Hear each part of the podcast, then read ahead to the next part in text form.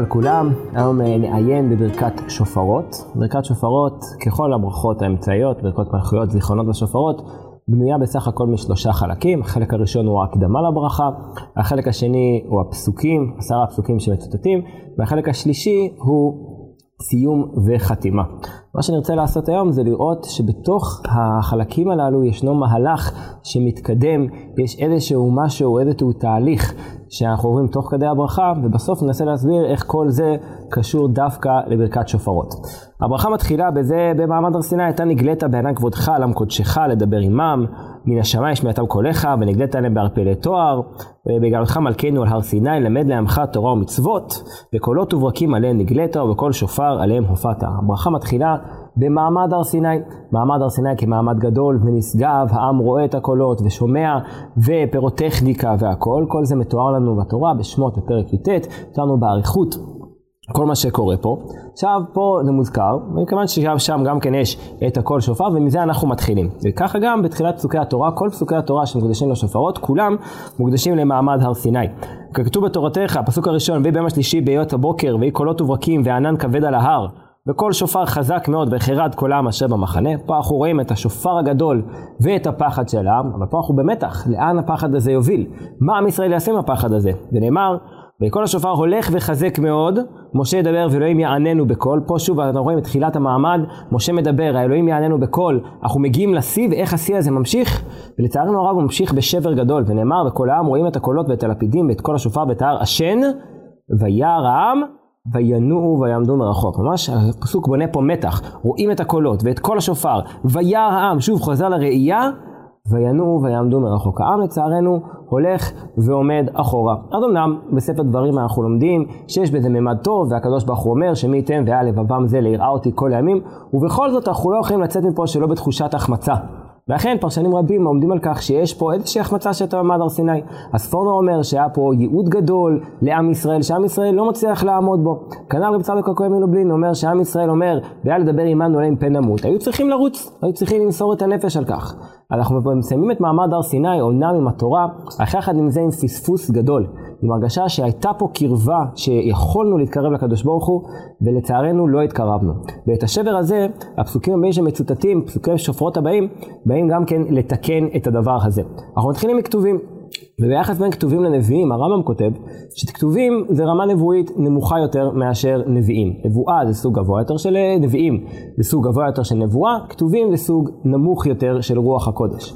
ביחד עם זה יש עוד הבדל שעליו עומד גם כן הרב רמ"א כהן בספרו כל דממה, שכתובים מכיוון שזה פחות מגיע מרמה נבואית גבוהה, זה מגיע יותר מהאדם. זה תהליך שקורה מלמטה למעלה. האדם מתחיל ופונה לקדוש ברוך הוא. ספר תהילים הוא בקשות, בקשות האדם לקדוש ברוך הוא. זאת לעומת ספרי נביאים שבאים בנבואה מלמעלה למטה.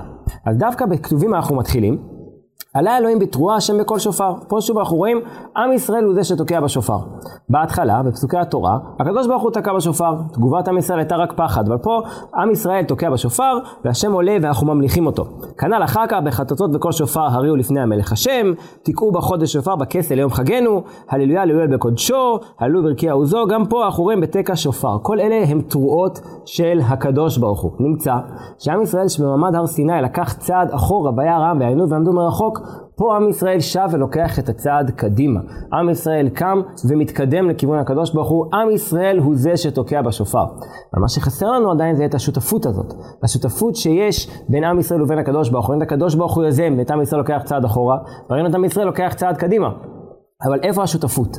לכך יש לנו שלושת פסוקי נביאים שמעבירים אותנו את התהליך הזה שוב.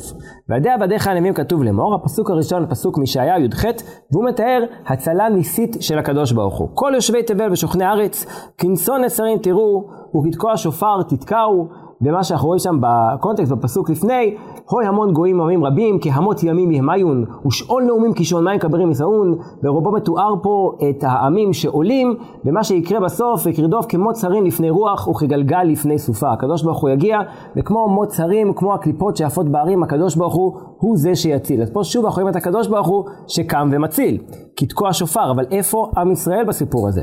הפסוק הבא מישעיהו, והיה ביום ההוא, ייתקע בשופר גדול, ובאו העובדים בארץ אשור, והנידחים בארץ מצרים, השתחוו לענה בהר הקודש בירושלים, מתאר לנו כבר שותפות. הקדוש ברוך הוא אכן זה שתוקע בשופר גדול, אבל העובדים בארץ אשור באים, הנידחים בארץ מצרים עושים את התהליך עצמו, והם באים. נמצא שיש לנו פה שותפות בין עם ישראל ובין הקדוש ברוך הוא. בפסוק האחרון בזכריה בא לידי ביטוי באופן חזק מאוד, מה שנאמר בזכריה פרק ט', והשם עליהם יראה, ויצא כברק חיצו, והשם אלוקים בשופר יתקע והלך בשערות תימן, אבל מה שמתואר שם קצת לפני כן, בפסוק י"ג, כי דרכתי לי יהודה קשת מילאתי אפרים. כי דרכתי לי יהודה קשת מילאתי אפרים. כלומר, עם ישראל, יהודה ואפרים הופכים להיות הקשת של הקדוש ברוך הוא. עם ישראל הוא כלי המלחמה, ובאמצעות כלי המלחמה הזה השם יוצא ויצא כברק חיצו, החץ זה לא סתם חץ של הקדוש ברוך הוא, החץ הזה הוא דרכתי לי יהודה.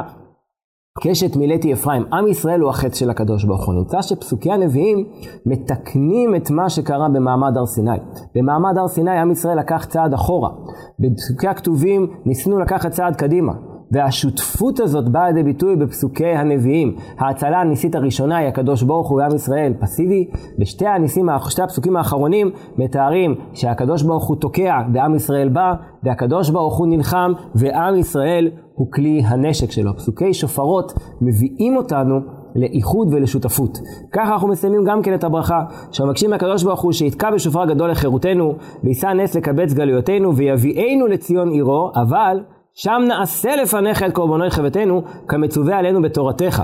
כלומר, מבקשים מהקדוש ברוך הוא, אתה תעשה את שלך, ואנחנו נעשה את שלנו. ברכת השופרות מביאה אותנו לשותפות שבין האדם ובין הקדוש ברוך הוא. ונסיים בכך שנשאל איך כל זה קשור דווקא לשופר. בהסבר מעניין מאוד אפשר לראות מתלמידו של הבעל שם טוב מהתפארת עוזיאל, שהוא כותב שנתגלה לו בחלום בעניין התקיעות, שהוא אומר שיש פה איזשהו כתב סוד, שיש שני אוהבים שאוהבים אחד את השני, והם מתכתבים באיזשהו כתב סודי שאף אחד לא יוכל לראות, ואף אחד לא יוכל לשמוע ולא יוכל להבין את הכתב שלהם, כך הם מדברים. סוג של מה שאנחנו קוראים לו מורס קוד, איזשהו משהו שמהווה מילה, ואנחנו לא יודעים מה בדיוק הכוונה. שפה סודית. השופר הוא השפה, השפה הסודית שיש בין עם ישראל ובין הקדוש ברוך הוא. והשפה הסודית הזאת משמעותה הוא שותפות. משמעותה היא העובדה שהקדוש ברוך הוא עושה ועם ישראל עושה וכולנו עושים יחד. שנזכה בעזרת השם שיתקבלו תפילותינו לרצון אמן.